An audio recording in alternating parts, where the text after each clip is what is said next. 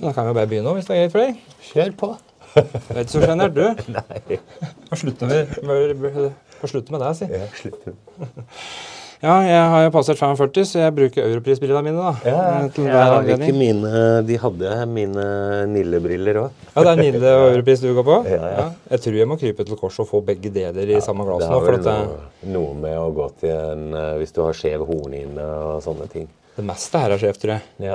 Er, kanskje ikke legningen, det er det eneste jeg er sikker på at det ikke er det. Men ellers så tror jeg det meste er ja, litt skakt. Ja.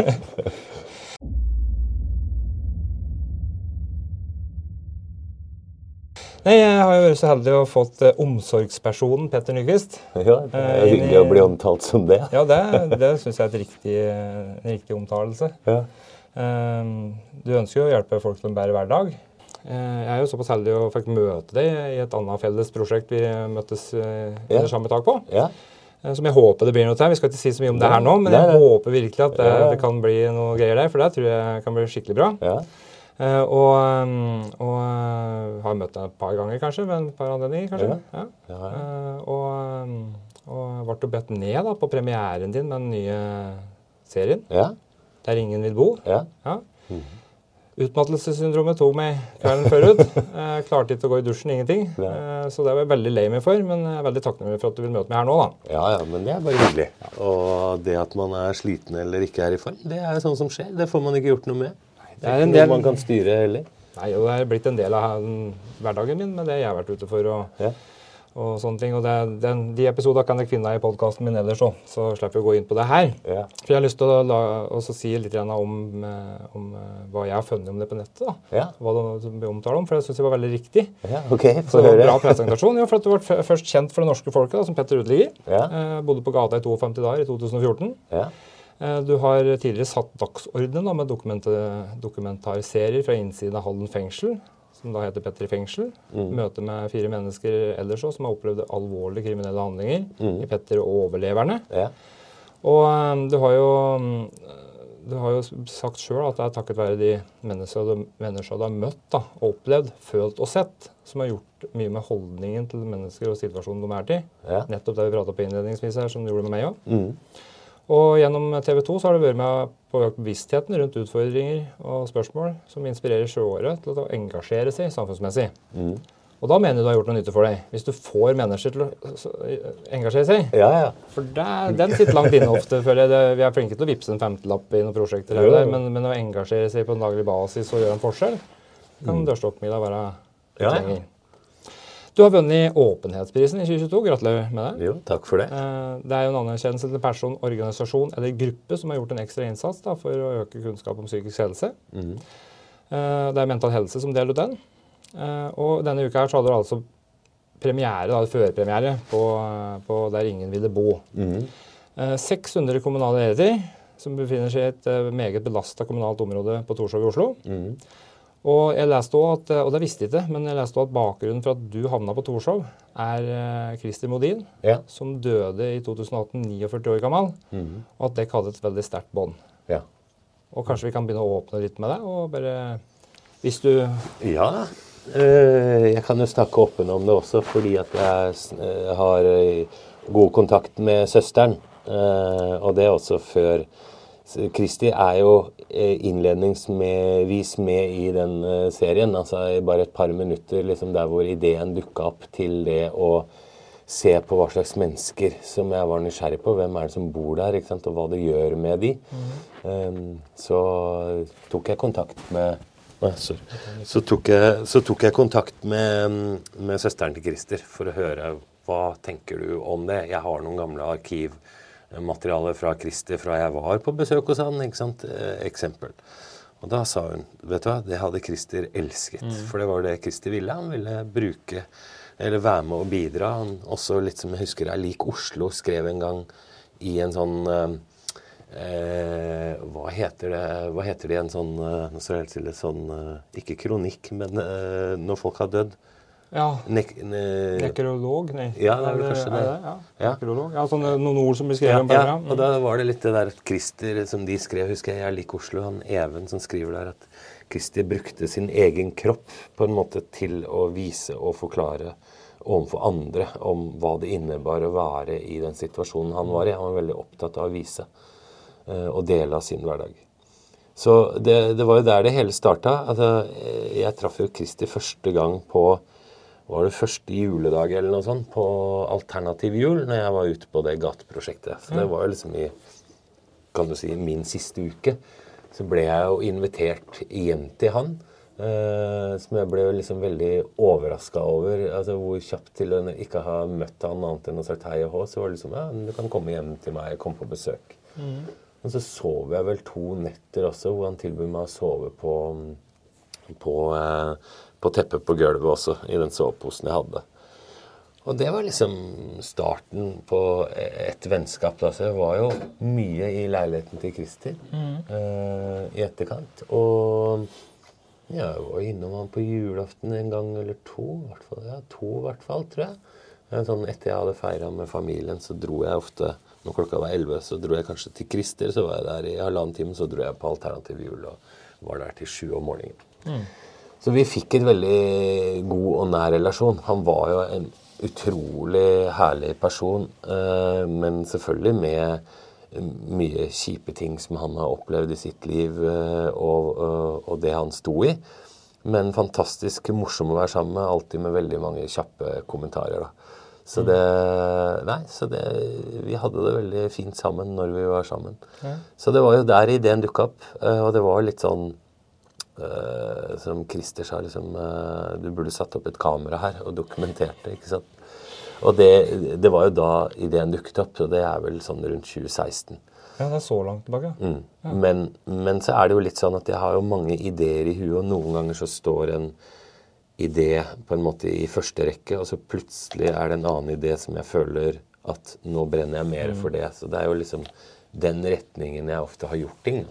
Jeg kjenner meg igjen til det. Ja, ja. det er ja, interessert for mange ting samtidig, og så er det nok med at du bare ser noe på nyheten eller i nyhetsbildet at det, nei, nå må vi få gjennomført dette. liksom. Ja, ja, ja. Uh, og så var det vel egentlig det som trigga det.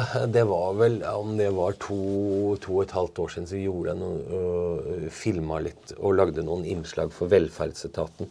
Mm. Og da var jeg oppe på Torshov, og da var det liksom plutselig bare Å ja, selvfølgelig, det er jo her jeg skal være. Ja.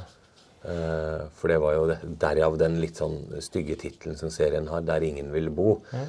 Det er jo uh, en uh, Altså, det er jo en todelt. Det er jo ikke sånn at ingen vil bo der. men det var det ryktet jeg hørte mm. fra andre folk i miljøet, at der vil du ikke bo. Nei. Og når du hører det fra miljøet, da er det som regel ille òg. Ja da. For de er ikke så nøye, de, kanskje, som Nei, det kommer jo litt Jeg var i hvert fall litt det. Nei, men jeg tror det, eh, sånn som jeg oppfatter så kommer det veldig an på hvilken livssituasjon de enkelte er i. Ja. Uh, og jeg treffer mange jeg som stortrives der. Mm. Men det tror jeg handler om at der uh, har de bor de kanskje sammen med andre likesinnede. Mm. Uh, der har de nettverket sitt. Der har de de sosiale treffstedene. da.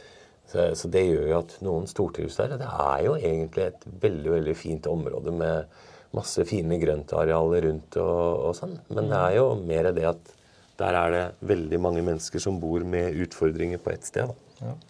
Og, og, jeg tenkte jo på det når jeg så Jeg, klarte, jeg skulle se en hver dag, da. liksom. Ja. Jeg, ja, jeg pløyde gjennom hele da, på samme kvelden. Ja, men da er du liksom meg hvis jeg, jeg først blir hekta. Altså. Det var jo så interessant.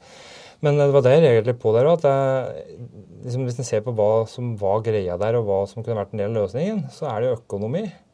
Ja, det er definitivt. For Du har, kan jo ikke ha et godt liv på 86 kroner eller 130 kroner dagen. liksom. Nei da, nå er jo det et enkelttilfelle, men det er nok flere andre som, er i, som jeg har snakket med, som er i noe tilsvarende. Men det var det hun Anne Katrine refererer til, det var når hun bodde i et trerom som gjorde at hun mm. måtte flytte. Så hun har bedre økonomi i dag, men det er fortsatt trangt. Mm. Uh, og jeg tenker det er for trangt forhold til hva det bør være uh, for at folk skal Det er mange mennesker som bor der, som allerede har sine fysiske, psykiske utfordringer. Mm.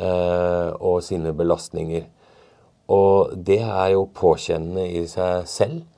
Og så kommer da i tillegg oppå det at du bor et sted som skaper Eller tar fra deg litt av det fundamentale i bunnen, av den stabiliteten og forutsigbarheten og tryggheten, fordi du bor i det området. Og så har du økonomien i tillegg der, som heller ikke er så veldig altså, Stabil er den jo, forstå meg riktig, for det er liksom ofte de samme beløpene man får.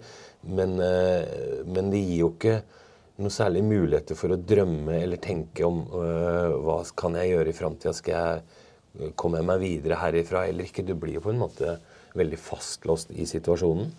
Og så er det jo det at, som jeg kan veldig godt forstå, at mange da opplever at du lever da med kniven på strupen hele tiden, ikke sant? bokstavelig talt, fordi eh, du må Alle valg du må ta, da. Mm. Um, jeg husker jo veldig godt det var en av de eh, som jeg eh, traff der tidlig og kom i god kontakt med. og så så spurte jeg hun om hun kunne tenke seg å være med, om det var greit at jeg filmet. Og det er jo sånn, Jeg spør jo alle og tar jo en ordentlig prat med dem om liksom, er dette noe dere har lyst til. Uh, hvorfor? ikke sant? Videre. Men da sa jo hun at la oss ta en prat med det litt utafor akkurat inn i det området der. La oss sette oss på en kafé. Og fordi jeg selv levde på et sånn litt tilsvarende budsjett som mange gjør, så tenkte jeg først faen. tenkte jeg. Og da var det faen fordi at da, hvis vi skulle på en kafé, så følte jeg at da må jeg kjøpe en Jeg drikker ikke kaffe, men da må jeg kjøpe en kakao når jeg skal sitte der. Og det er jo fort 40-50 kroner. Og da plutselig liksom en tredjedel av dagsbudsjettet ja. eller en fjerdedel av det ryker. da. Ikke sant? Og, og, og, da er det plutselig sånn Da sier det noe om hvor fort man blir ekskludert når man ikke kan være med på sånne dagligdagse aktiviteter som veldig mange andre tar del i, da, da blir du jo, havner du jo fort utafor. Men du, jeg leste jo, for jeg har jo tatt teksten fra nett der for å på en ja, ja. bli litt kjent med prosjektet. da. Ja. Eh, men du skrev at dere gjorde deg nysgjerrig på de menneskene som bodde der. Mm. Og jeg trodde at vi skulle kanskje se litt mer til det belastende miljøet. da, For det, eh, det, vi så her, var jo noen, noen, noen livssituasjoner som, fra folk som hadde noen utfordringer. Mm. Men vi så ikke så mye av den sjølve si, kriminaliteten, eller det er kanskje det, det som skjer rundt dem. da. Eh, nei, nei. Det, det, var jo ikke så mye kaos, bortsett fra det du sa om knivstikkinger og sånne ting, som så klart er ille. men mm. Men hva er det som gjør at det er så mye verre der enn andre plasser i Oslo? For det skjer jo knivstikking og skytinger andre steder. Hva var det som liksom gjorde at dette området her var så Nei, Det er et godt spørsmål, men eh, det, det skjer jo mye. Og det, er, og det, er, jo nettopp det. Det er mange mennesker med utfordringer. Men du kan si at det jeg så i det daglige, var jo de menneskene jeg portretterte. Ja.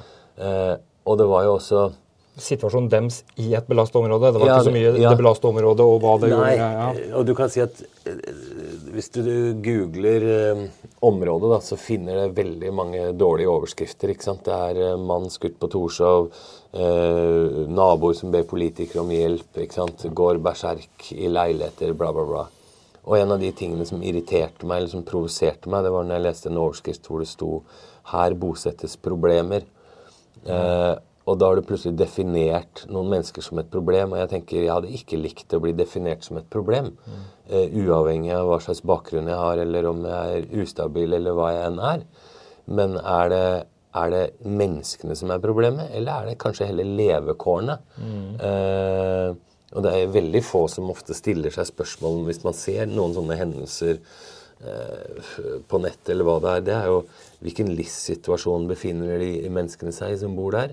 Eh, hva slags oppfølging får de? Er det ingen som stiller? Mm. Hva gjøres for å optimalisere og for å skape en økt livskvalitet for disse menneskene? Det blir heller aldri beskrevet. Det blir jo bare disse stygge, kjipe hendelsene. Mm. Og det er jo som alt annet, føler jeg. Det ligger jo en, ligger jo en historie bak eh, på en eller annen måte. Til og med det kjipe historien så er det som ja, en forklaring på det som kanskje er Det er jo alltid det. Ja. På en eller annen måte så er det jo det. Så det var, du kan jo si Da blir jo fort veldig mange av de som bor der, de blir jo stempla. Og som de sa sjøl, det er jo ikke så mange av de som bor her, som lager bråk. Det kommer jo mest utenfra. Mm. Um, så, så, du kan si at eh, jeg så ikke så mye av det, men du, du hører jo og får med deg litt forskjellige ting av hva som skjer. da så er det jo ting Men det er ikke det som jeg er så opptatt av å vise nødvendigvis den siden. Mm. Det er jo det å se liksom Det er jo interessant å bygge litt opp under de fordommene menneskene har, og så kunne vise en litt annen side enn det folk forventer. da. Ja, det er akkurat det du sier der, da. Det var jo det som trykka meg litt nå. For at jeg trodde jeg skulle se et kjempebelasta område med masse folk som rusa seg sønder og sammen. Det var egentlig det jeg så for meg når jeg så reklamen. liksom, at det, oh shit, her skal de filme virkelig fra hva som skjer i ja. Mm. Og så blir du litt sånn overvelda av de menneskemøta. Og, ja. og, og, det, er jo den, det er jo der du er veldig god, da. Ja. Du, du, går jo liksom rett inn og, og treffer i nerve med en gang. Mm. Uh, og de tingene som jeg liksom så at du hadde nevnt, da, var at hva gjør de for å skape en meningsfylt hverdag, og hva det gjør med dem å bo i et slikt område. Mm. Uh, og jeg tenker jo, Mora mi har jo fått beskjed om at hun har uhelbredelig kreft nå. Ja. Uh, og det er jo bare et spørsmål, da, på en måte, hvis, hvis du ikke finner et mirakel en plass.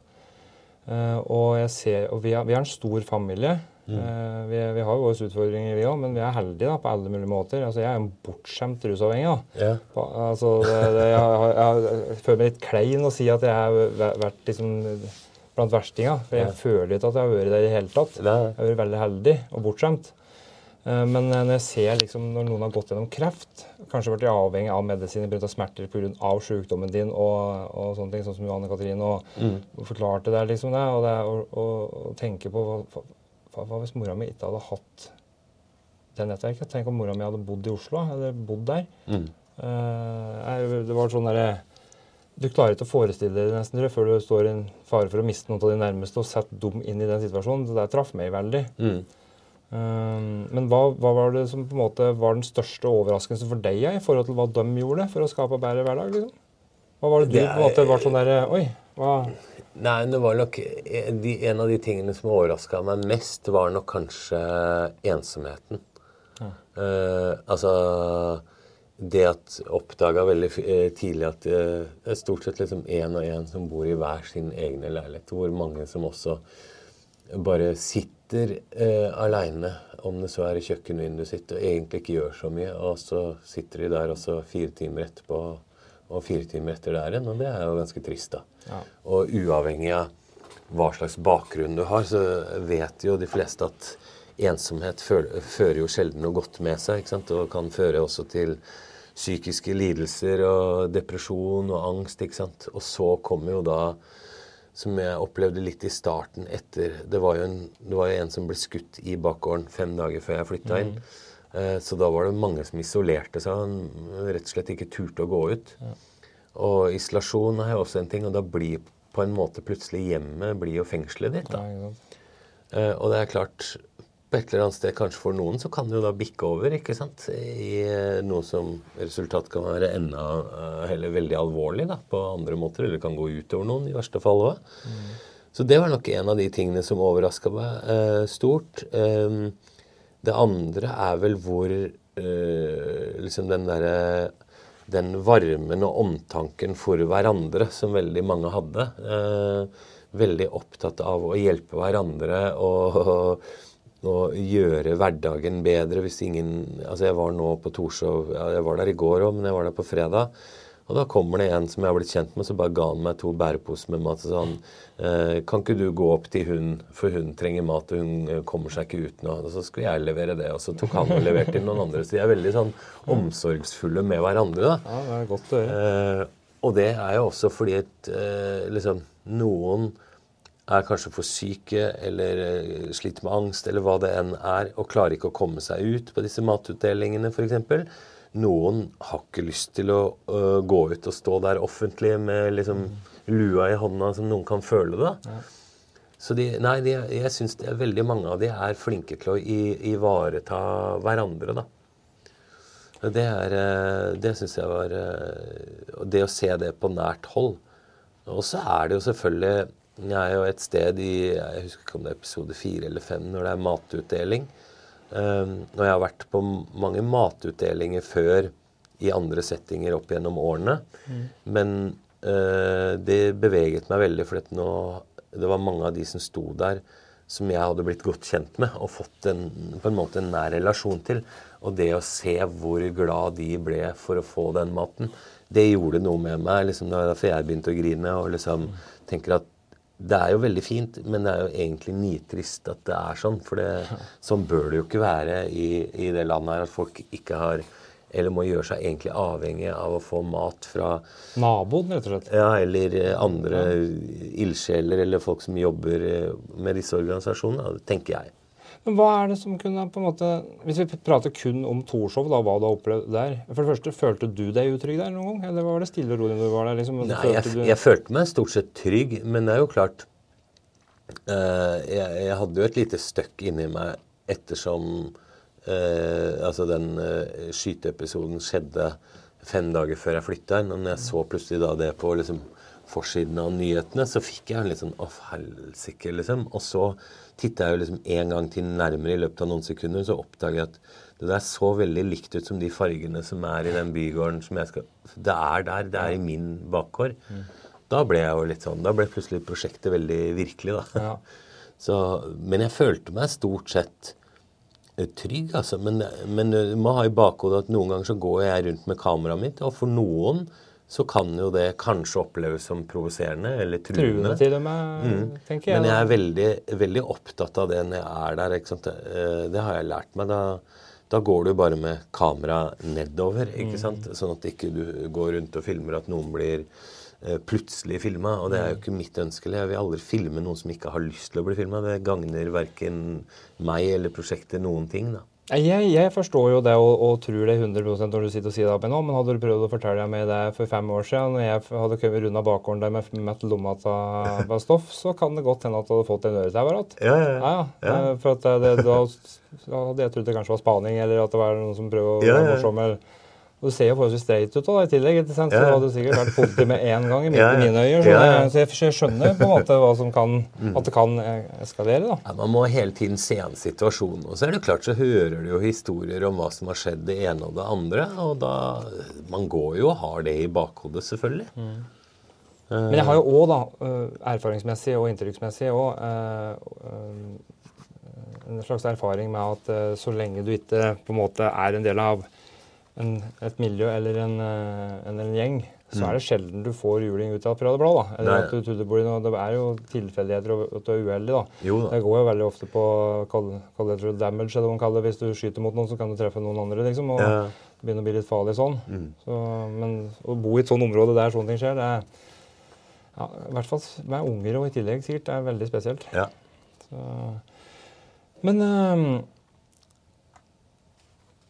hva tenker du hadde vært løsningen akkurat der, da? Eh, eh, altså, hadde du kontakt med mange andre som du ikke filma? Uh, Prata du med flere? Ja, liksom, som, ja, så du hadde, fikk et større inntrykk enn det vi så? på en måte? ja da, det gjorde jeg jo. Hva kunne ha vært løsningen, tror du, hvis vi skal på en måte gjøre alle fornøyde? da, i gåseøynene? Ja, Hva- eh, nei, det er, det er ikke noe lett oppgave, tror jeg. Men eh, jeg tror nå Én er nok summen antall mennesker samlet på ett sted eh, med utfordringer.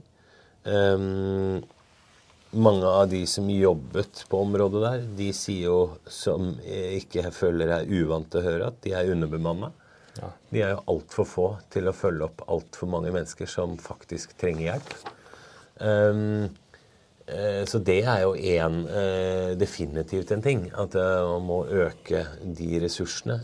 Jeg tror også at eh, hvis man aktivt går inn for å øke og bidra til at levekårene blir bedre, og da gjennom både hvordan det ser ut, eh, aktiviteter eventuelt man kan få disse med på. Altså, du kan si at det er jo flere settinger hvor mange av de sitter og drikker i bakgården ikke sant? og sånne ting. Og nå var jo jeg i en tid hvor egentlig de fleste går i dvale på den årstiden, altså ikke sitter ute.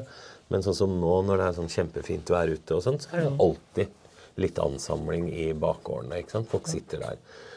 Og da tenker jeg at øh, hvis det hadde vært ting å finne på, eller aktivitet som man tar med menneskene på, så blir det jo automatisk, hvis de har lyst, så blir det jo mindre tid til å drikke. Og så blir det også det å kunne oppleve det som kanskje noen ikke har fått oppleve eller kan prioritere i hverdagen, som gir i hvert fall en god opplevelse en eller annen dag. Da. Eh, Så jeg tror at det å øke ressursene på, på, å, eh, på finne på ting, gjøre noe med de, det er jo en annen måte i mine øyne som å følge opp. Du skaper jo en relasjon om du så tar med den gjengen på kino og spanderer pizza. eh, av noe av den der harde kjernen som f.eks. sitter her, så skaper du en relasjon. Klart det. Eh, så Uh, og så har du dette treffstedet, som er dette lokale lavterskeltilbudet som er der. Det er jo bare åpent to ganger i uka. Mm. Det burde vært åpent hver dag. Ja, det tenker jeg òg. Uh, som mange sa, det er veldig lenge fra det er mandager og, og Nei, jo, mandager og onsdager. Mm. Og som uh, flere sa, liksom, det er veldig lenge fra onsdag til mandag. Ja. den helgen er spesielt lang. Og det er fredag det skjer mest jævelskap med utbetalinger som ikke kommer. Ja, ja, ja. Da, da det er krise, liksom, som regel. Ja, og det oppdaga jeg òg. At eh, jeg vil påstå å si at det stedet er også stabiliserende. Mm. Altså, fordi at der kan folk komme kan, Det er jo både at du kan få gratis mat, men du kan også få hjelp til sånn praktiske ting knytta til Nav, eh, betale regninger etc., tips og råd. Mm. Så det er jo klart det burde jo vært åpent hver gang i uka. Og så tror jeg jo også at jeg ville nok flytta barnefamiliene vekk fra det området, og i hvert fall heller noen bygårder lenger vekk, da, for å si det sånn, ikke samle det. Nå har det sikkert noen en forklaring på hvorfor det er sånn, for at det ikke skal være helt homogent. da. Ja, for De sier jo det da at uh, integrering av data skjer best hvis det skjer i den mest naturlige settinga. Men når de naturlige settinga blir farligere enn uh, en mm. miljø, nesten, så er det jo litt utfordrende å skal kunne forsvare det, mener jeg da. Ja, jeg møtte jo småbarnsforeldre som da ikke turte å gå ut uh, også, ikke sant, etter den der skytingen, og, og, bare valgte å være når det er mest mulig bare når det er lyst. Og når du da er i november, så er det jo ikke lyst så veldig lenge. Så det er klart at det preger hverdagen eh, og gjør at du igjen blir da veldig innlåst. Mm. Og så har du jo det andre at veldig mange eh, institusjoner, behandlingssteder, skal eh, legges ned, og det skal sentraliseres. Folk skal kjappere ut i bolig, og det er jo fint at folk får bolig. Det er ikke det. Men det er jo da eh, det er igjen den der kapasiteten til å følge opp de menneskene som skal kjappere ut i bolig, som kanskje skulle fått mer oppfølging før de blir flytta i bolig. Da. Ja. Så da må jo den kapasiteten være til stede. Så jeg tror det er, det er, veldig sammensatt. Det er ikke noe enkelt svar. Nei. Definitivt. Og det er jo en del personer som bor i Oslo, så det er kanskje den mest utfordrende byen å kanskje få til dette her på. Jo da. Så det er um, Men jeg tenker jo men du tror det er mulig hvis det hadde vært uh, ja, kapital? Man må, jo alltid ha, man må jo alltid troa, men så er det jo den viljen og økonomien da, som styrer det, dessverre. Jeg føler jo at det har vært en billig og lett løsning da, for både politi, stat og kommune da, å sende folk i fengsel. Da, for da på en måte er du kvitt dem på papiret, og mm. da ser det veldig bra ut eh, mm. på statistikker. Mm. Uh, og eh, jeg leste litt om, eh, om din I begynnelsen av 20-åra så var du sykepleier. Eh, ja, nei, jeg var ikke sykepleier, nei, men jeg jobbet på et gamlehjem. Ja, det var det kanskje, ja. Mm. Og det var da du skjønte at det var systemet som på en måte ikke fungerte helt som det skulle? da? Eller hva du hadde, hvis ikke du husker helt feil her? Nei, jeg fikk eh, Fordi jeg satt på rommene og prata med noen av disse eldre, eller spesielt én dame. Og da var det en gang hvor jeg da fikk eh, Hvor døra åpna seg, altså en av de sjefene sa at 'sitter du her og slapper av?' Altså, akkurat som jeg ikke jobba fordi jeg satt og prata med ja, altså. eh, og det var vel en av de utløsende faktorene for at jeg valgte å slutte. For dette var liksom ikke tid til å, å, å sitte og prate og det å gi på en måte føler jeg, som noen har sånn, øh, et verdig liv. da. Mm. For alt dreide seg jo om og Nå var jo mange av de menneskene på det eldresenteret jeg var, de var jo avhengig av liksom, Halvparten hadde sikkert å få heis for å bli løfta ut. De måtte få hjelp til å bli tørka i rumpa. Men det var liksom få de ut, trille de inn til frokost. Servere frokost, trille de tilbake på rommet. Det var det egentlig det de gjorde. Og noen av de satt jo da bare på rommet og gjorde ingenting. Eh, og så var det tilbake til lunsj, og så var det tilbake på rommet, så var det tilbake til middag, og så var det opp og få lagt i. Og da blir, blir det jo litt sånn samlebånd. Det var ikke tid til den sosiale biten så mye. Altså det, var, det var ikke at det ikke var det, men det var veldig lite tid til det. Og det var jo når jeg satt da, husker jeg sammen med spesielt hun ene som var ganske dement, så var det veldig hyggelig når du fikk tid til å sette deg ned, fordi at da da husket hun jo å prate om alt fra barndommen sin. Det husket hun i hvert fall, men hun hadde ikke peiling på hvilken dag det var. ikke sant? Hvilken dag er det, spurte hun hele tiden. altså, I dag er det mandag, sa jeg. altså, å ja, men er det mandag? I hele dag. Det var det typiske svaret hennes. Og så, og så gikk det ti minutter. Hvilken dag er det? Så sa jeg, kunne jeg også tulle og si det. I dag er det tirsdag. Å, er det tirsdag i dag? Det spilte jo ingen rolle, ikke sant? Men, men med en gang hun prata om eh, sin barndom og alle sine fjellturer og alt sånn, så smilte hun. ikke sant? Det skjedde noe med henne. Ellers så satt hun bare på det rommet helt stusslig alene. og Hun samla alltid på serviettene etter, eh, etter disse måltidene. Så satt hun og bare bretta servietter det var det eneste hun gjorde. Og det tenker jeg ah, ja, nei, det, det er for dårlig, da. Altså, hun, jeg tror ikke hun hadde det så bra, da. Og dette er jo noen år siden òg. Ja, begynnelsen av 20-åra dine, sa du? eller? Ja, det var vel begynnelsen av 2000-tallet en eller annen gang. Og ettersom jeg har skjønt, så har det kun blitt verre. Ja, det er mulig. Jeg håper jo ikke det. Nei, Men, men jeg- det er ut ifra det nå med, med den rovdrifta som visstnok, da mm. for å si, det, det som det står om i media, da. Mm. Ja. si, jeg vet jo ikke om, jeg har ikke lest meg opp på, på alt dette her, men, eh, men eh, det, det er jo alt ifra sykepleiere, fengselsbetjenter, kriminalomsorgen. Alle sliter seg ut nå. De ender opp med PTSD, utmattelsessyndrom. Altså er sykemeldte for at barna ikke eller har skolevegring. Mm.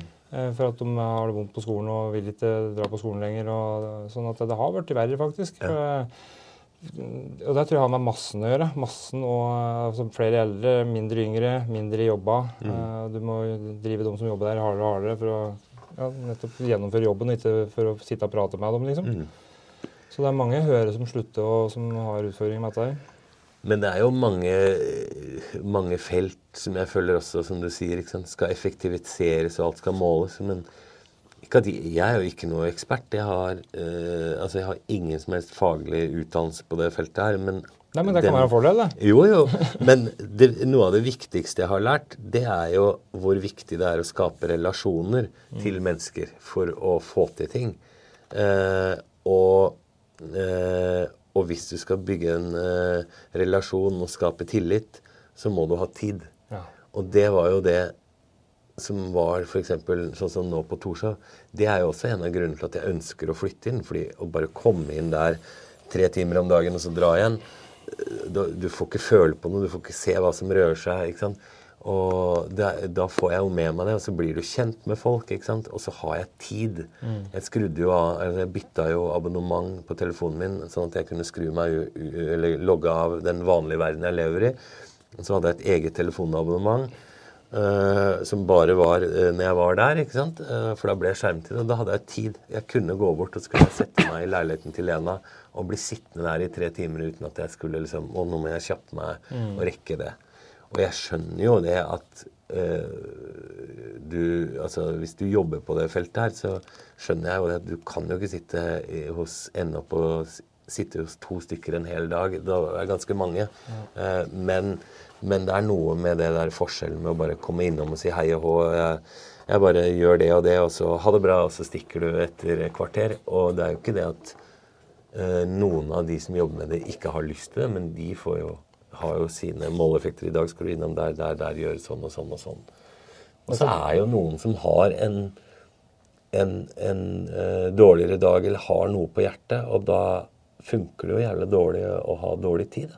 Har det med respekten i forhold til respekten du viser dem òg, tror jeg. Altså, for når du kommer inn der, Hvis du hadde sittet med te- Teddy TV på ene telefon og ventende samtaler på Ja, ja. så, eh, så hadde, hadde jeg kanskje følt at jeg hadde besøk av et TV-team. Ja, Eh, Det at du logger ut av det, din verden og går inn der, det Mm. tror jeg ikke bare er helt nødvendig, men jeg tror det òg gjør noe med den respekten du får. da. Ja, ja, og så er det jo lettere, og jeg filmer jo alt selv, ikke sant. Så det er jo eh, sånn sett også enkelt og krevende selvfølgelig for min del, den. Men, men det er nå jeg har tid til å være der, og da har du tid til å prate, og da sitter man lenge nok og prater, så eh, ja, så dukker det opp mange forskjellige tema tematikker, og du får jo et inntrykk av hverdagen, en større forståelse om hva de står i. Da. Og da tenker jeg også at da har du jo lettere mulighet til å påvirke i en eller annen eh, positiv grad, hvis det er det man ønsker at man skal, eller det som er formålet. Det er ikke nødvendigvis det når jeg er der. De,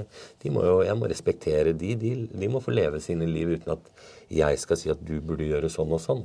Hvor vanskelig er det å, å ikke komme med det du føler kanskje er det de trenger, da, når du vet at det kanskje ikke er riktig tidspunkt? og eller at det i hele tatt er mulig, eller at det er jobben eller oppgaven din. Eller, og, så litt sånn i forhold til neste spørsmålet mitt, som da blir eh, Du er bor jo ikke på gata. Du har jo bodd på gata, men du er jo ja, forholdsvis ryddig både økonomisk og jeg regner med. Jo, jo. Sånn så, Åssen er det for det å komme inn der og ikke kunne hjelpe, på en måte? og ikke kunne jo, komme jeg tenker jo at jeg kan hjelpe, men det er jo det handler jo litt om at jeg syns at folk skal selv kunne noen ganger få spørre om hjelp. For det handler litt om at ikke jeg skal komme inn og fortelle andre hvordan de bør leve. Det må de heller spørre meg om. Og når de spør, så kan jeg komme meningen med. Og det var jo noe jeg lærte faktisk veldig tidlig av Svein, altså han første jeg ble kjent med på gata. Han var jo et eller annet sånn sa 'Herregud, skal du komme her, din jævla idiot', og fortelle meg hvordan jeg skal leve mitt liv og liksom prøve å redde meg. Og da, ja, jeg husker ikke akkurat hva han sa, men nå var han sånn 'Kjøss meg i ræva, god jul og godt nyttår', liksom. Lykke til. Eh, og det er jo faktisk noe av det jeg har tatt med meg, det der at eh, hvem er jeg til å komme og skal fortelle de hvordan de skal leve? Men igjen, når du får en relasjon over tid, så kan jeg jo også si ting at, uh, som kanskje også ikke føles uh, nedverdigende, eller at ovenifra og ned. da. Mm. Men uh, hvor jeg kan si du, nå kjenner jeg deg så godt, jeg ser jo at du gjør sånn, sånn. Kanskje du skal prøve det og det istedenfor. Mm. Ikke sant? Og fordi at vi kjenner hverandre, så er det jo ment som en, et hyggelig råd og tips, ikke noe jeg sier at du må gjøre. Mm. Jeg skal ikke sitte hvis det, sånn som, jeg, jeg, kan jo ikke sitte med noen av de jeg blir kjent med og si at du burde drikke mindre. Nei, det hjelper jo veldig. Altså. Det er jo dem, det må de få bestemme. Og så er det samme som også noen liksom, Jeg visste kom til å komme kommentarer på på den serien at ja, noen av de har veldig dårlig råd, men de sitter og drikker. Ikke sant? Mm. Men uh, hvor jeg, jeg, tenker Ja, og så? Uh, ja, det er kanskje ikke helsemessig uh, akkurat bra, men det er jo det lilles fellesnevneren mange av de har. og i, i, eh, og det er noe sosialt, eh, akkurat som det er for alle mennesker som drar ut og spiser og, og tar seg noe å drikke. Selvfølgelig da i en litt annen setting, kanskje, men det er det sosiale. Det er det no, de lille som mange av de har å kanskje klamre seg fast i. da, eh, Og som gir en sånn fellesnevner. Det vet jeg jo selv også fra du røyker. altså Det er lettere å eh, Praten går lettere, syns jeg, som har røyka tidligere og røyker litt for mye akkurat i perioder, sånn som nå når jeg stresser mye. men men det når du går bort og prater, det er jo liksom Ja, det er en icebreaker, da. Helt klart. Um, så, og, og, så tenker jeg igjen Og så hvis de uh, sier at mange av de her får noen tusenlapper mer på kontoen, som jeg syns de definitivt fortjener Hvis de vil velge da å drikke det bort, så er det jo faktisk så er det jo dems valg. Ja, men du må jo sette mennesket til å kunne ta den avgjørelsen i sitt eget ja, liv Du kan jo ikke ta den Altså, nei, du drikker øl, så du får ikke mer penger. Nei. Nei, altså, Nei, da får jeg ikke mat heller. Nei. ikke sant? Nei, nei. Nei så, og det tenker jeg at det må jo folk også få velge selv. Og vi må jo respektere også at noen folk vil ruse seg. Jeg har møtt flere jeg som eh, sier at 'jeg skal ruse meg, for det er da jeg funker best'. Ja, Da må jeg respektere det, selv om det er veldig liksom utenfor normen i det vanlige samfunnet. Da, at det er det. Men vi må jo respektere det. At noen uh, trenger det og føler et behov for det. Men det er jo de færreste. Og Det kan, handler kanskje ikke om respekt, men uvitende kanskje om hvordan du skal håndtere mennesker med en avhengighet. Ja. For at jeg, ja, jeg trodde jo at uh, det gikk an å si at kan kan ikke bare slutte å ruse deg, så vil alt ordne seg. Ja, ja. Og så slutta jeg å ruse meg sjøl, og det er jo da helvete begynner. Ja. For sånne som meg. Det da, da, da, da jeg begynte å kjenne på det. Fram til da var det jo greit. egentlig. Sånn. Så det er jo da du må liksom ta et oppmøte med deg sjøl, og da, da skal liksom prøve å dra noen ut ifra den gode følelsen. Det er jo, jeg tror ikke du skjønner hvis du ikke har vært der sjøl. Altså, det er vanlig vanskelig i hvert fall. Mm. Og så er det noe med at, eh, som jeg tenker, Sånn som nå når jeg var der på Torshov, eller i andre settinger, så er det jo jeg som er på besøk hos de. Mm. Så jeg må respektere det. Det er der de lever. Så jeg skal heller ikke si at å, nå er jeg her, så da kan du ikke drikke, eller nå kan du ikke røyke en bønne. Det må du gjerne gjøre for min del. Jeg misforstå meg rett, jeg kan ikke bry meg mindre. Mm. Uh, det bestemmer du sjøl. Mm. Uh, og det må jeg bare respektere. Det er jeg som er på besøk. Og jeg har jo hatt folk som Å, sorry, eh, nå skal jeg gjøre ditten eller datten og ruse meg. Ja, ja, men det må du gjerne gjøre. Det, det har ikke jeg noe som helst med. Men hvis du skal spørre om mine tanker og tips Så får du et ærlig svar. Så skal jeg gjerne svare hva jeg tenker. Eh, og, og, ikke sant? Men, men, nei, jeg skal ikke komme der og fortelle hvordan, hva folk skal gjøre, med mindre de spør sjøl om Du, jeg lurer på noe fordi at Så kan jeg ytre mine tanker. Men eh, da kan vi jo ta en eh, digresjon over til eh, hva dine tanker er. da. For her, ja, med meg så kan du jo si hva du vil, da, uten at det, du trenger å bekymre deg over hva jeg mener om det. Eh, for jeg har laga noen kjappe spørsmål da, som jeg tenkte vi skulle ta litt sånn innimellom her. Ja. Og um, det jeg egentlig lurer best på da, i forhold til min sak, da, ja. uh, og det er jo forebyggende mm. jeg, jeg, jeg, vet ikke om jeg hadde klart å jo, hadde nok klart det, men, men, vil jeg gjøre det? Uh, gå i de miljøene du går? Uh, jeg føler at jeg er en dårlig uh, Hva skal jeg si Dårlig et dårlig medmenneske på en måte i de situasjonene her, for at jeg har for mye personlig erfaring med det. Ja. Så jeg tror jeg fungerer bedre på systemnivå. Jeg kan heller like altså, og si litt at det her ser jeg ikke fungere, så jeg kan komme med tips og råd her. Altså. Ja. Men, men, men, jeg føler altså, jeg føler ikke ubehag, men jeg, men jeg, føler at jeg har ikke noe å bidra med. For jeg vet på en måte hvor, hvor de er hen, og, og, da blir det bare et sånt Si, litt sånn overfladisk forhold. Det blir, hvis jeg skal involvere meg, så vil jeg gjerne involvere meg der jeg kan gjøre best nytte for meg. Mm. Og da tenker jeg på hva er det som hadde vært eh, best i forhold til uh, altså andre sitt rusproblem. da. Uh, nå har vi jo satt ned et utvalg, Kjerkol eller hva det heter. Mm. Satt ned noen utvalg da, med noen høyt utdannede mennesker i dress mm. til å finne ut hva som er, skal best gjøres for sånne som meg. Mm. De skal hjelpespore hva de skal gjøre. og da tenker jeg sånn der, Det er mange ofte ender opp i. Da. Det er en uenighet eller enighet om det er legalisering eller ikke. Mm.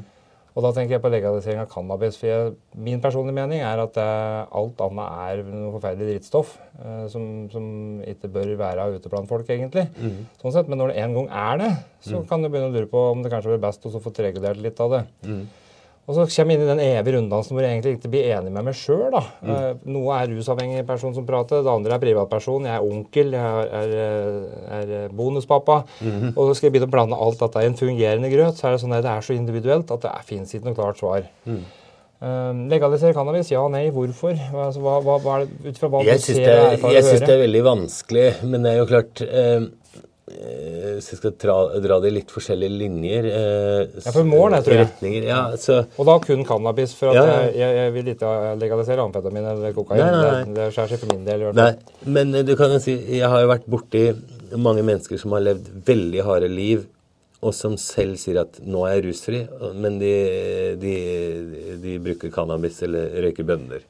Du er ikke rusfri i mine øyne da? i hvert fall i mine Nei, nei, men, men det er det veldig mange som tenker. Mm. Og, og, også, og, da tenker jeg også at når uh, For de menneskene så er det liksom når du tenker på alt hva de har trøkket altså, av piller og putt, injisert og sniffa og alt som går an, og, så tenker jeg så er det en brøkdel av hva de har gjort tidligere. Mm.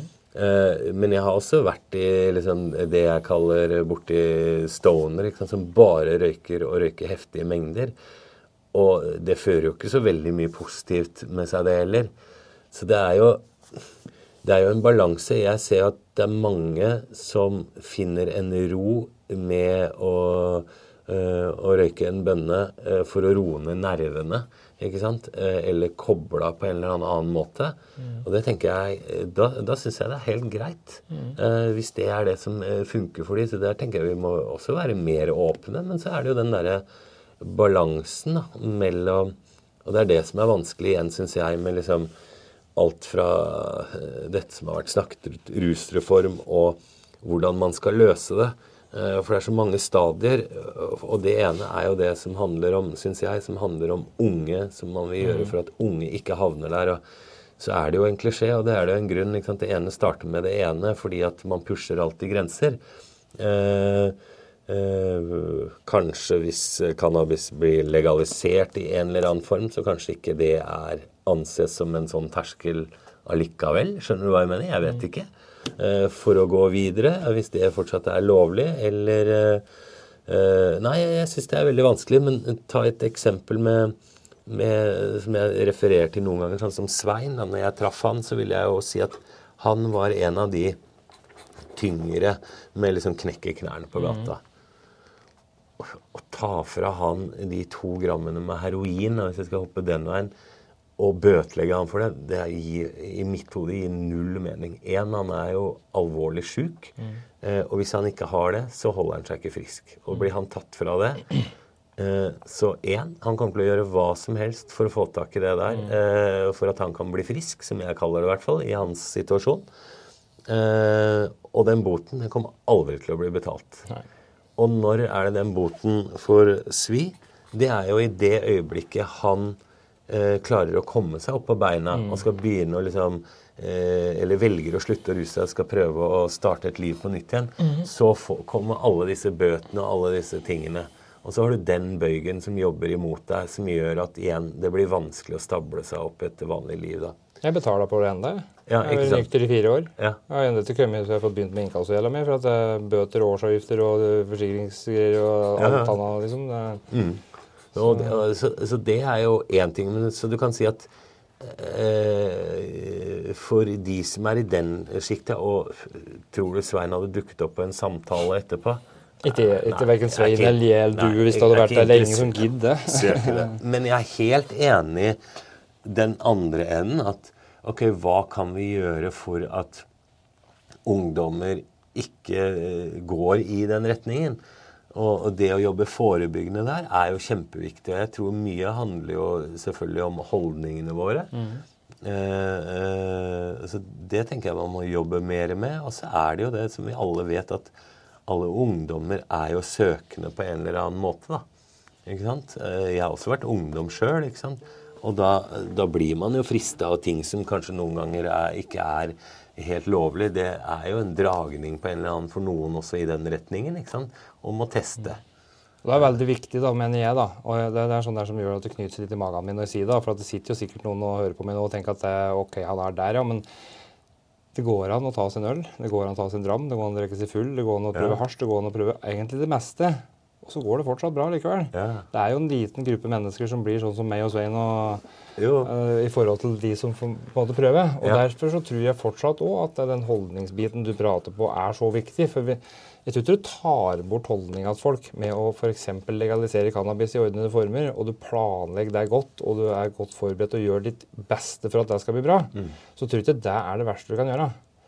Det er mer kostnader rundt det å ikke prøve det, tror jeg, enn å faktisk kanskje teste ut, sånn som med lokale rusreformer, da, for å sjekke ok, hva skjer da når vi gjør det. Ja. For der tror jeg det er mangler, mangler litt kunnskap. da. Mm. Nei, det er ikke lett. Eh, og, jeg skjønner jo at man vil jo på ingen helst måte at det ene skal lede til det andre, og at man liksom på en måte Noen kanskje tenker at de tilrettelegger for det ved å legalisere det.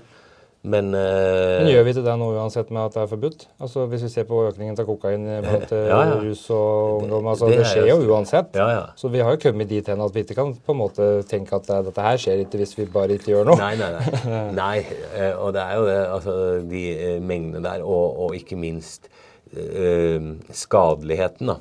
Mm. er jo relativt ganske mye større med kokain, amfetamin og andre enn det det er med cannabis. Mm.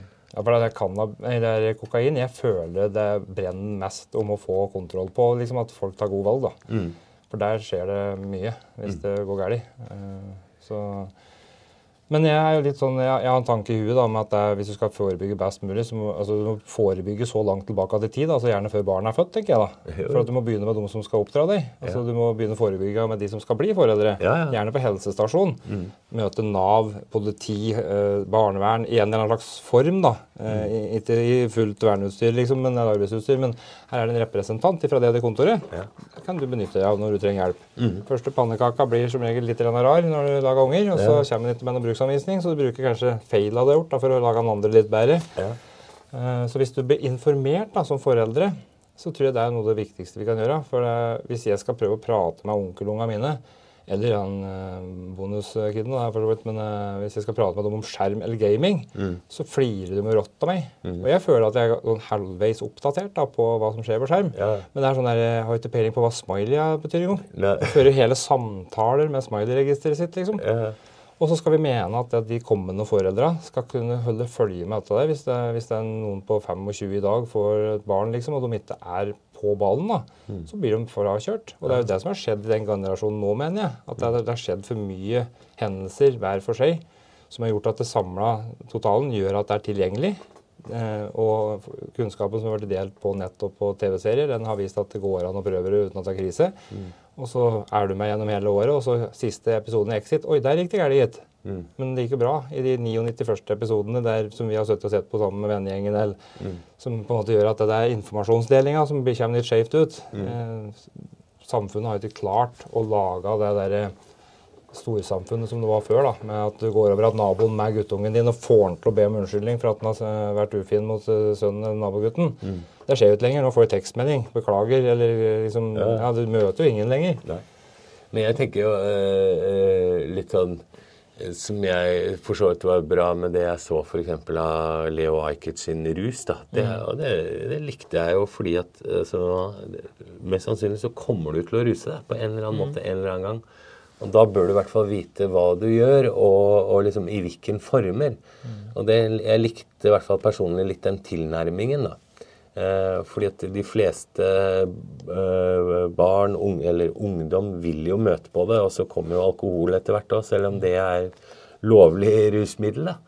Og de, de fleste har jo vært borti med det og vet konsekvensene av det. Alle har nok vært dritings og de spyr og har gjort masse ting de ikke veit om. Eh, og noen ganger så setter jo det et støkk i det. At liksom Shit, gjorde jeg det? Sa jeg det? Oi, oppførte jeg meg sånn? Det har ikke jeg fått med meg. Det er jo litt skremmende. Og det er jo også hverdagen for noen av de som er sterkt rusavhengige, og i hvert fall med du kan si, mennesker som jeg har vært borti, som er hvor det har vært veldig mye kokain eller amfetamin, det er de menneskene som jeg styrer mest unna hvis de er for mye, altså for rusa. Fordi at da vet jeg ikke hvor jeg har de. Eh, og eh, mens folk på heroin er det mye lettere å forholde seg til. Hvis du måtte gått inn en plass eh, på en fest Ja. eh, hvor eh, Si det er ti stykker, da. eh, hvor det er skikkelig rotblaute med alkohol og julebordstemning. ja. Eh, eller at det er noen som møtes for å ta sin joint og eh, liksom slappe av litt. Hvor Ja. hadde du følt det mest eh, ubehagelig å gå inn en i dag? Nei, Det altså det er, det er jo folk som, eh, som røyker cannabis, eh, blir jo mye mer roligere og mindre utadvendt og sitter egentlig mer og chiller. Det er min opplevelse. Så, så det, og det er sjelden, i hvert fall av de settingene jeg har borti der hvor det bare blir eh, røyka hasj, så, så blir det jo ikke mye bråk. Jeg har aldri vært borti det, faktisk. Men det er litt Men sånn det blir, det, er- med heftig fyll, så gjør det jo det. det gjør det. Ja, Det er der jeg har fått mest juling, det er der jeg har gitt mest juling, det er der jeg har gått skoa av med flest ganger, og det er der jeg har ligget mest på glattcelle. Og, og ikke minst, jeg syns folk blir generelt styggere òg. Altså det, det er litt sånn som kokain. Synes jeg. jeg synes det er mer riktig å sammenligne alkohol med den der formen du blir på på kokain, i forhold til å sammenligne den eksempel med cannabis, da, som har flere bruksområder. Så, så jeg, jeg syns det er ubehagelig å sitte med folk som blir, blir litt sånn overstadig berusa. Og så er det jo Jeg ser jo på de menneskene da også som brukte mye amfetamin, kokain, GHB, ikke sant, ecstasy, eh, MDM Altså alle disse tingene. Det er jo Syns jeg igjen Jeg har ikke noe statistikk, men det er bare det jeg opplever. At det er, det er mange av de som sliter eh, for resten av livet sitt med psykiske lidelser og som blir eh, alt fra depresjon og angst til selvmordstanker til eh, ja, eh, til vrangforestillinger etc. Eh, og det er skremmende. Og det syns jeg har vært mer av på de yngre i dag. Det er stoffa som har blitt sterkere, rett og slett. Jo, jo. Altså Mye av grunnen til det. Altså, allerede fra da jeg begynte for Jeg var 26 da jeg prøvde amfetamin første gangen, og nå er jeg 46. Mm. Uh, og jeg likte jo trivdes jo best med de eldre. De som hadde litt erfaring, om det var, om det var stukere eller røykere eller stoner. eller spilte en rolle. Så lenge det var voksen og rolig og oppført rep, så følte jeg det var behagelig å være med. Ja. Eh, yngre folk prøvde liksom å være med på en fest eller to. Mm. Ja, det kokte helt over huet med. Altså, det er sånn de oppførte seg, og sånn de ble. Altså, dette her, altså, for det første så ville jeg ikke være i nærheten av dem, for at det her kom til å gå såpass galt at jeg kom til å få skylda for alt, tenkte jeg. Ja. Hvis jeg har fått skylda for å være i nærheten her, så føler jeg skylda for at det er jeg som har kommet med noe.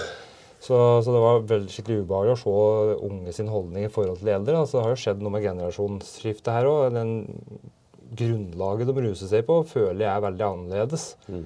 Det er uh, hypa opp på en annen måte enn enn det var før. da. Mm. Så, så, men det er som du sier, det er veldig vanskelig da, altså, å gjøre seg opp en, en, god mening om det. Hadde det vært lett, så hadde vi sikkert vært i mål. Ja. Det er jo derfor vi sitter her og skravler i duell. Ja, ja, ja. Aldri, aldri finner noen løsninger på det. Men... Nei, men det er, det er, jo ikke lett, fordi at alle mennesker er forskjellige. ikke sant? Og hadde man hatt et svar på hvordan uh, veldig enkelt få folk rusfri eller komme ut, så hadde du, hadde du, hadde du hatt den uh, modellen der, eller den Så hadde du jo vært millionær. Ja. Eh, hvis du kunne endre tre ting i politikken hvis du hadde, for Jeg har sett at det er mange som driver og flagger deg som politiker, at du burde ha vært statsminister. Altså det, Nei, det, ja, det kommer sånn. Jeg har sett det. Og, kunne ha gjort litt nytte for deg da, hvis det hadde blitt det? Ja, fy faen. Nei, jeg hadde ikke takla det. Det... Hva er det du hadde gjort av tre ting i politikken hvis du hadde kunnet, uten at det får noe konsekvenser for deg sjøl? Da må du tenke som en politiker. da. Ja. Du, skal, du, skal, løse en utfordring, koste hva det koste vil. Ja. Eh, og, og, for å komme med tre løsninger i eh... Nei, men jeg ville eh, Ikke sant eh, eh, Noe er å å, jobbe forebyggende for best mulig oppvekstvilkår for barn. Uh, og da mener jeg helt fra barnehage. Uh, og det at det er nok personer og mennesker til å følge opp. Uh, det er vel én ting som er viktig, fordi at det, det starter veldig tidlig, og det er jo da man kan fange opp. Mm.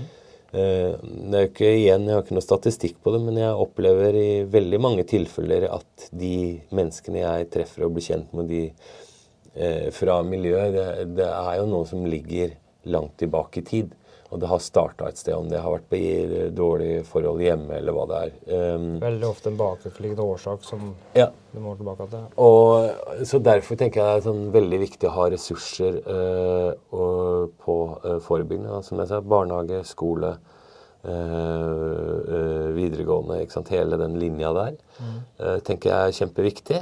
Så vet jeg ikke hvor mange av de punktene dine av disse tre som går under der. Jeg vil jo si det er flere, men også er det jo andre i i um, omsorgen innenfor helse, det at man uh, ikke må måle alt i kroner og øre, uh, men at man har tid, altså effektivitet, da.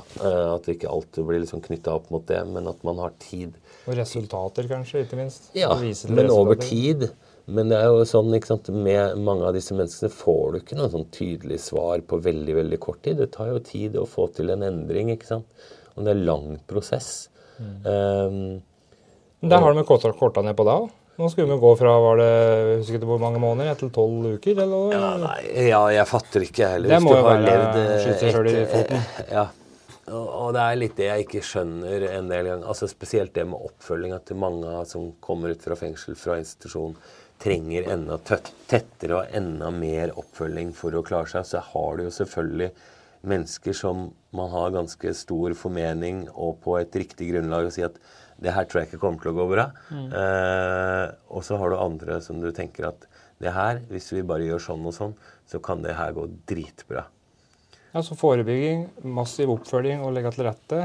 Ja. Et par ting. Altså En siste ting, hvis du tenker på hva skulle, altså, Nå har du jo lagt veldig til rette for rusavhengige, da, på en måte. Jo da. Eh, og sånne ting, men, men er det noe hvis du skulle tenke en ting til som på en måte det er, altså, det er, jo et såpass bredt felt at det er kanskje vanskelig å gå utafor det. For da blir det handlet om hele verden. Ja, ja, ja. Uh, Nei, men jeg, jeg, tenker det omfatter mer. Men altså Det er både uh, for rus, for, for uh, barn og unge.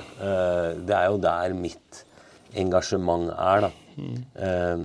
så det er vel der jeg ville gått inn og sett. Og så ville jeg jo brukt mer mennesker som har følt på det sjøl, eller snakke med de som står i de situasjonene de gjør. Jeg føler veldig mange av de jeg snakker med, de, de føler i hvert fall ikke alltid at de blir hørt. Eh, og at ingen kommer til de og spør.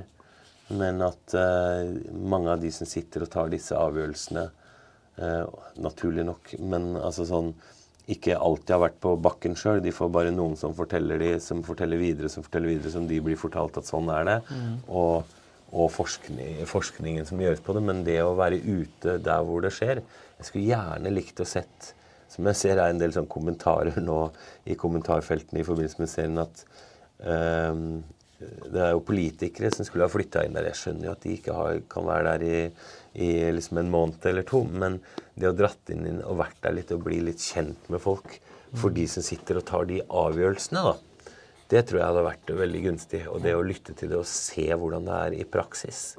Det er jo der jo jeg på en måte er helt Som jeg også sier når jeg, når jeg blir spurt, da, at er, hvis du ikke involverer erfaringskompetanse, så kommer du aldri noe lenger enn det du har kommet før. For at det, det, Erfaringskompetanse har vært brukt i veldig liten grad fram til nå. Mm. Mens nå med Erfaringssentrum og uh, han Moen, og, ja, ja, ja. som har blitt litt flinkere til å kanskje synes uh, på den biten, da, så tror jeg at det der mye av løsningen kan ligge da, for, uh, for framtida. Jeg, jeg syns jo det er veldig bra ja, at det har altså den Eh, erfaringskonsulenter har eh, blir mye mer tatt på alvor og er mer normalt i dag enn det jeg opplevde i hvert fall eh, liksom snart ti år tilbake.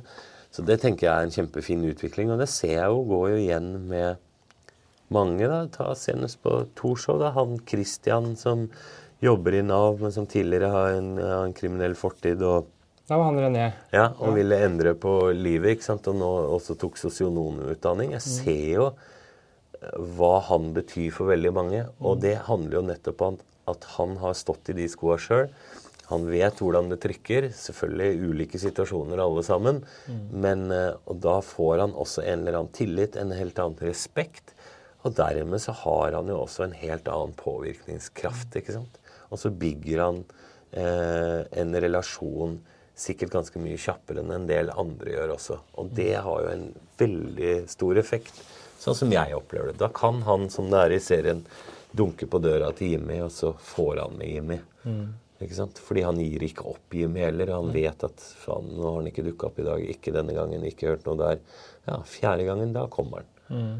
Og så femte gangen ble det ikke noe. Så ble det kanskje en sjette gang. Og så vet jo både Jimmy også at det betydde mye for han, den der, de halvannen timen det var å trene, eller hva det tok. Mm. ikke sant?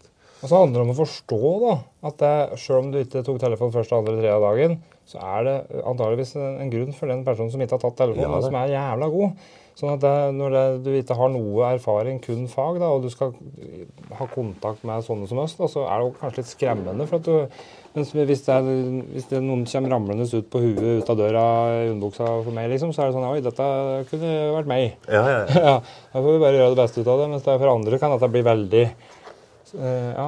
Så er det jo ikke gi opp, da. Ja, det er, altså, det er, det er først, at man fortsatt er på. Gi det like mange eh, forsøk som du gir sønnen din eller dattera di til å lære å gå. Ja. La han drive på til han får det til.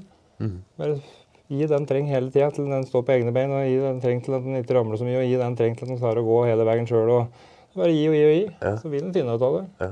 Men det tar tid. Ja. Det er ikke gjort på tolv uker, i hvert fall som du mener at vi skal finne ut av det nå. Nei, nei. Men du òg må jo ha et lite team rundt deg på privaten, for du har jo kjæresteserie. Ja, ja, ja. Uh, og du er jo snart mer borte rundt juletid enn du er hjemme, tror jeg. Det er jo, du velger jo de mest eh, sårbare tidspunktene for de menneska du skal være med. Uh, er det med vilje? Ja, det, det, er et bevisst valg jeg gjør. Ja. Fordi én, uh, jeg vet hva det vekker av følelser, både hos meg selv, og det påvirker meg også når jeg er i en sånn situasjon. og og også at jula gjør noe med oss alle mennesker. Det er jo det vi forbinder med det nære, ikke sant. Mm. Um, og så er det noe med tidspunktet med året også. Ikke bare knytta til jula, men nå tenker jeg også til liksom, antall uh, soltimer eller altså, hvor det er lyst, da. Det er jo klart det, det er ganske stor forskjell, uh, syns jeg, på Torshov i dag kontra når jeg var der. fordi nå er det jo mange flere ute.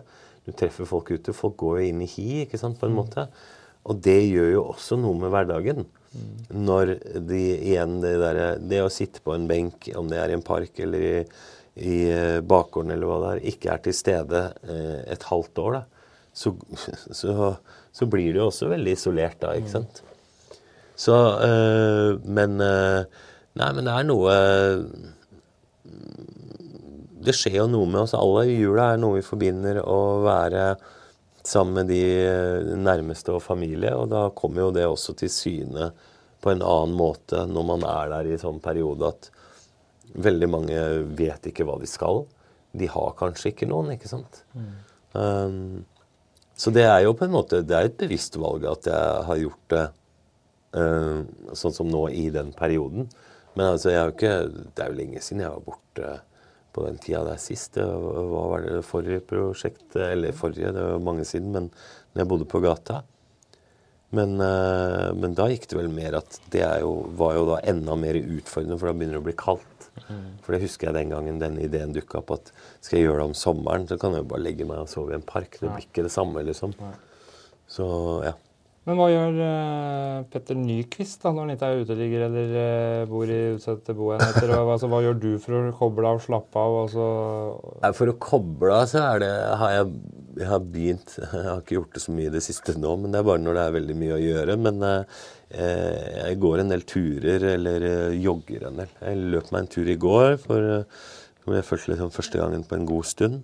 Det var i fjor, så jogga jeg liksom hver andre og hver tredje dag. Så det var bare en måte å koble av på, rett og slett. Lettvint avkobling som du kan gjøre hver dag? på en måte? Ja, og så bor jeg i området et sted som heter Kolsåstoppen. Liksom. Bor rett under der, så da kan jeg ta meg en løpetur i området og komme meg Det er to minutter så er jeg i skogkanten. så Det er derfor jeg bor der hvor jeg gjør.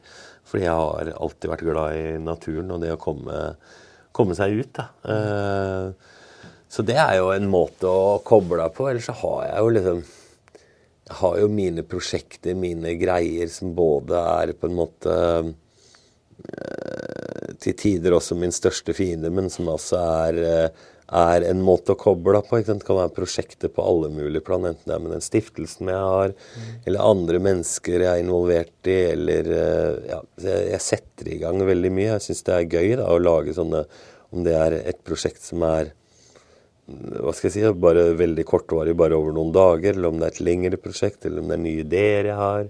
Mm. Så det, jeg har noe å holde på med hele tida. Jeg aldri, går aldri og kjeder meg. Jeg kan ikke huske sist jeg har kjeda meg. det var det noe av det første jeg måtte lære meg da jeg skulle bli rusfri. Ja. Det var å kjede meg så sinnssykt at ja. jeg kunne kjede meg. Men det uansett hva som skjedde, da, det, kjedsomhet det skulle bli min beste venn. Ja. Og det har jeg fått til sånn at nå er det ubehagelig avslappa i forhold til det. Oh, ja. Altså Nå er det sånn at det skal mye til før jeg klarer å kjede meg. Det er ja. sånn der, for at, Da bare har jeg en øya, og så slapper jeg av litt. Ja. Sånn der, mens før så var jeg hele tida måtte være i bevegelse. Ja.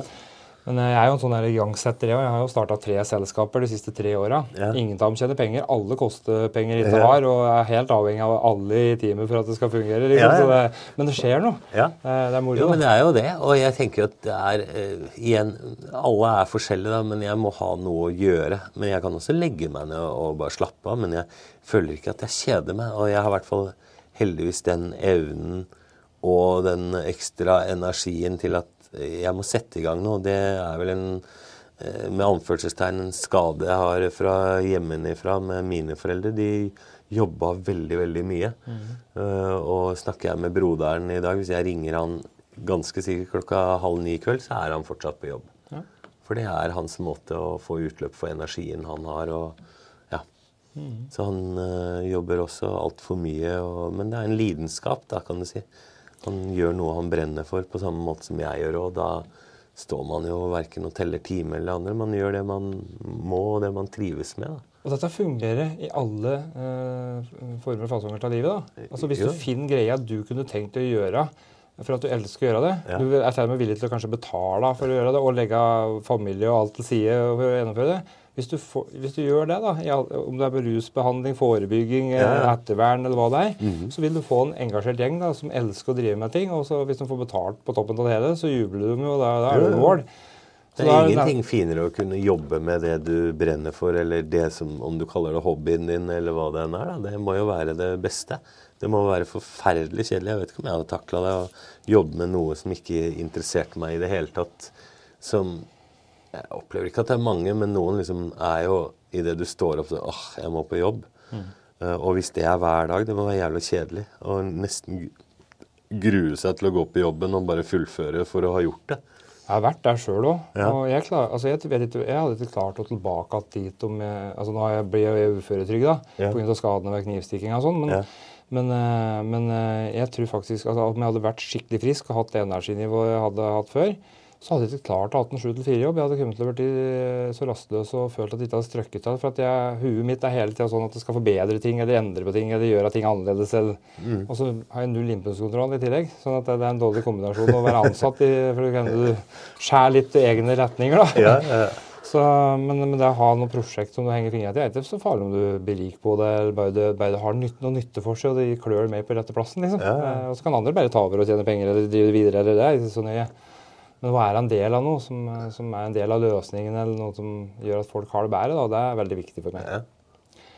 Men et siste spørsmål. da, Du skal snart inn i et nytt møte. Ja. Eh, rekker en liten kjapp en. Den personlige fantasi, drøm, visjon i livet. altså Hvis du penger og familie altså Hvis du bare kunne gjort én ting da, for deg sjøl altså, hva, hva er det du kunne tenkt Altså din drøm. Hva, hva hadde du gjort da?